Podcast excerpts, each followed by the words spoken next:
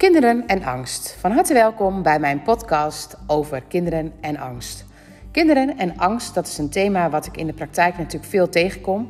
En uh, wat soms ook wel de nodige uitleg vergt, omdat uh, er eigenlijk door ouders het liefst uh, naar gekeken zou kunnen worden, zeg maar, dat ze liever niet hadden dat hun kind angst heeft. Alleen angst hoort bij het leven, dus angsten moeten niet weggestopt willen worden. En het moment dat je kijkt naar de situatie, bijvoorbeeld nu ten aanzien van de corona, dan zie ik echt heel veel kinderen die, uh, of ik zie in elk geval veel hulp vragen ten aanzien van angst. En ik zie ook echt heel veel kinderen die zich wat makkelijker verliezen in angst. En ik snap dat helemaal, want eigenlijk denk ik dat heel veel mensen op dit moment veel meer angst hebben dan dat ze ooit hebben gehad. En dan niet zozeer omdat ze zo bang zijn voor um, de corona en de gevolgen van corona, maar uh, eigenlijk worden, zijn bepaalde veiligheden ons afgenomen. En die veiligheden die hebben wij nodig om ons in de basis uh, ontspannen te voelen. Stel je nou eens voor, je denkt even terug aan een jaar geleden en dat iedereen ging hamsteren. En dat we ook vooral dachten dat als de een dan wc-papier ging hamsteren, nou laat ik dan ook maar even wat mee gaan nemen. Alsof er vanuit ons automatisme een gevoel was dat we wellicht ooit in nood zouden kunnen komen. En dan gaan we gelijk zorgen dat we qua voeding in elk geval, daar komt het, dan komt het in elk geval goed. En dat hamsteren is puur uit angst. Dat is in principe met de gedachte dat we misschien een tekort zouden kunnen hebben en dat dan bepaalde dingen nodig kunnen zijn. En dat we dus dan dat nu moeten inslaan om te zorgen dat we kunnen overleven. Zonder dat je het zelf doorhebt, ga je automatisch over tot hamsteren. Dus zonder dat je het zelf doorhebt, gaan we automatisch handelen uit angst. Oftewel zonder dat je het doorhebt. Het is onbewust. Angst is iets onbewust. Dus het moment dat je een angst ervaart, dan ben je het soms wel bewust, omdat er dan een leeuw voor je staat en dat je je bewust bent dat die je wel eens zou kunnen opeten. Maar de manier waarop je dan reageert, dat is het onbewuste brein. Het onbewuste brein gaat over tot vechten, tot vluchten of tot verstarren. Nou, op dit moment in de coronaperiode, en ik wil het helemaal niet over de corona hebben en om daar een mening over te hebben, maar het is wel heel boeiend om te zien wat er gebeurt. Want door deze periode um, wordt er ook iets gevraagd van uh, automatische knopjes in ons ten aanzien van angst. Ik bedoel, kijk eens naar um, de politiek. Het volgen van iemand, een alfa-persoon. Het moment dat je een alfa-persoon hebt, dan als je dan in een roedel daarnaar kijkt, zeg maar, dan ga je in principe allemaal blindelings die alfa-persoon volgen, want daar vertrouw je op. Nou, het moment dat je gaat twijfelen aan de alfa, ben je nog verder van huis. Want uiteindelijk, zeg maar, moet jij dan in een angst, voor, angst ook met een angst tegen angst voor afwijzing, zeg maar, ga je de andere kant op. En dan zou het dus heel tof zijn als je andere mensen meekrijgt. Dus wat zie je in deze periode? Je ziet mensen die blindelings iemand volgen die dan de alfa voor die persoon is. Je ziet mensen ontzettend in opstand komen tegen uh, alle coronaregels, die tijdens, tijdelijk ja, elke keer staan te demonstreren en die hele stukken op Facebook zetten over hoe we het eigenlijk wel niet. Um, hoe beroerd het eigenlijk op dit moment allemaal wel niet is. Maar het zijn allebei angstprincipes. Eigenlijk is het ene angstprincipe, dan volg je de alfa en je denkt zelf niet meer na. En het tweede angstprincipe, je ziet dat die alfa niet de persoon is die jij zou willen volgen, maar je wilt wel graag iedereen mee hebben, zodat je niet alleen de andere kant op moet lopen. En dat is precies angst. En wat er dus gebeurt, is dat wij op dit moment, zonder dat we het zelf doorhebben, veel vaker in angst handelen dan dat we tot nu toe hebben gedaan. Hoe fijn voelt het als iemand hetzelfde denkt als dat jij denkt? Dan voel je je meteen daar gesteund in. Dan voel je meteen dat je er weer meer bij hoort. Nou, kinderen die leren vanaf dag één dat ze er zijn, eigenlijk vanaf het moment dat ze in de baarmoeder zijn, leren ze omgaan met alles wat er in de omgeving aan bedreigingen kunnen zijn. In de baarmoeder voelen ze dat van de moeder en prenten ze zich dat in. Als ze geboren zijn, komen alle momenten die de overleving uh, in gedrang lieten komen, zeg maar, dus dat het spannend was. Die momenten die slaan ze op en ze handelen bij die momenten met een overtuiging en gaan ze reageren met een automatische reactie van vechten, vluchten of verstarren. Automatisch gaat een kind reageren op allemaal imprintingen die er zijn. Nou, zo leert een kind eigenlijk allemaal angsten um, te herkennen. En zo leert een kind ook te weten wat hij op dat moment voor reactie zou moeten geven.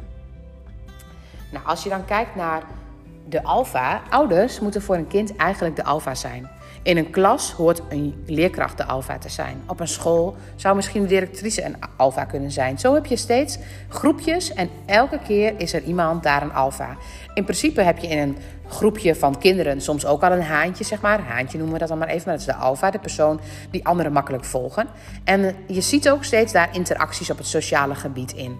Kinderen hebben altijd een alfa nodig. Want het moment dat ze geen alfa hebben, dus het moment dat jij in een groep bent en er is niemand de leider, dan voelt zo'n groep heel onveilig. Want eigenlijk is er niemand op wie je kunt vertrouwen. Dus je moet allemaal zelf opletten en je bent geen groepsgeheel. En je hebt eigenlijk best een grote kans dat je het niet zou overleven. Dus voor een kind is het super belangrijk als iemand een alfa durft te zijn. Nou, het is dus heel belangrijk voor een kind als je als ouders een duidelijke alfa bent. Dus dat je heel duidelijk ze beschermt tegen bepaalde angsten. Ze helpt met bepaalde situaties. En ehm, angst mag dus een kind dus ook voelen. Maar als alfa mag je gewoon aangeven van... Goh, weet je, we gaan dat zo doen. Maar je bent wel de persoon die eigenlijk dan een soort veilige baken voor zo'n kind is. Het moment dat ik zelf bepaalde angsten heb, stel je voor ik zou bijvoorbeeld bang zijn voor spinnen, dan kan ik op dat moment, als er een spin is, niet de alfa voor mijn kind zijn. Want als ik al bang ben, als de alfa al bang is, wat moet een kind dan? Als je dan kijkt naar angst bij kinderen, en ik zie het op dit moment echt heel veel meer, dan is het ook heel belangrijk voor volwassenen om de angst te onderzoeken. Het moment dat jij als ouder angst hebt voor situaties waar je in terecht komt, dan kun je je kind niet ondersteunen. Niet ondersteunen in het stukje wat er nu aan de hand is. Het moment dat je als leerkracht angst hebt, dan ben je ook geen goede alfa. Dan ben je niet de persoon die de kinderen kan helpen. Want vanuit angst ga jij ook vanuit het reptiele brein reageren. Ga jij ook met vechten, vluchten en verstarren reageren. En wat moet er dan met die kinderen wel niet gebeuren? Die zwemmen alle kanten op. Dus heb jij als leerkracht angst voor de situatie van corona? Zoek hulp. Ga alsjeblieft iemand zoeken die jou kan helpen daarmee. Wie is jouw alfa en wat volg jij en hoe kun jij daar jezelf weer rustig in laten, laten maken om te zorgen dat jij ook weer de alfa voor die kinderen in de klas kunt zijn. En um, als ouder, als jij bang bent voor de coronasituatie, ga alsjeblieft kijken naar wat jou dan zo bang maakt. Het raakt ons allemaal in een systeem. De een op financieel gebied, de ander op het gebied van gezondheid, de andere op het gebied van een bepaalde onwetendheid, een machteloosheid, de andere omdat er dingen gebeuren die misschien heel verdrietig zijn. Iedereen wordt geraakt. En um, ook mensen die misschien niet geraakt worden, worden ergens in geraakt. Iedereen wordt geraakt.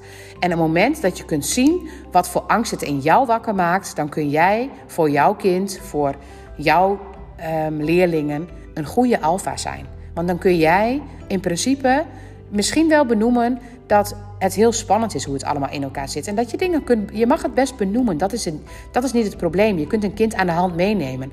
Maar een kind aan de hand meenemen als je zelf angst hebt, dat is samen het zwembad inspringen. Dat werkt niet. Dus het is zo essentieel om als begeleider van kinderen. Want ik, ik vind het echt verdrietig wat ik nu op dit moment zie aan kinderen met angst. Als begeleider van kinderen om je bewust te zijn van de angsten die er spelen. En het moment dat jij een angst hebt, dan is dat een kind in jou die angst heeft. En kijk eens naar het kind in jou. Wat heeft dat kind op dat moment nodig? Wat voor liefde heeft dat kind nodig? Want het moment dat jij met liefde naar dat kindsdeel in jouzelf kunt kijken, dat kindsdeel in jouzelf omarmt, dan voelt, voel je gewoon dat het, weg, dat het wegzakt. En je zult bij je kind direct zien dat het verandert. Liefde overwint altijd angst. Ik heb op mijn uh, YouTube-kanaal Willemijn Trip heb ik um, een filmpje staan over de teamers, over de manier waarop eigenlijk wij de ziekteverwekkers, oftewel alle dingen van buitenaf die ons raken, hoe we daarop reageren.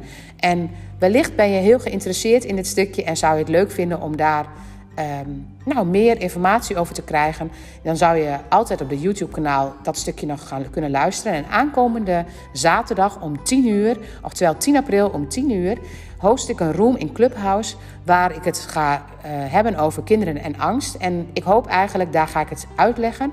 Maar daarin ga ik ook um, zou ik het heel leuk vinden om met mensen interacties te geven en om een beetje te filosoferen over kinderen en angst en wat voor gevolgen deze periode voor kinderen heeft. Want wat ik zie is dat kinderen die al um, nou, wat makkelijker zich onveilig voelen in bijvoorbeeld een groep, dat die kinderen op dit moment het heel erg ingewikkeld hebben met alle gevolgen van dien. Want als we als leerkracht dan reageren vanuit angst dan gaan we ook niet op de juiste manier reageren. Dat is ook maar met een eenzijdig brein, met één focus, met een vechten, een vluchten of een verstarren en niet met een bewust brein.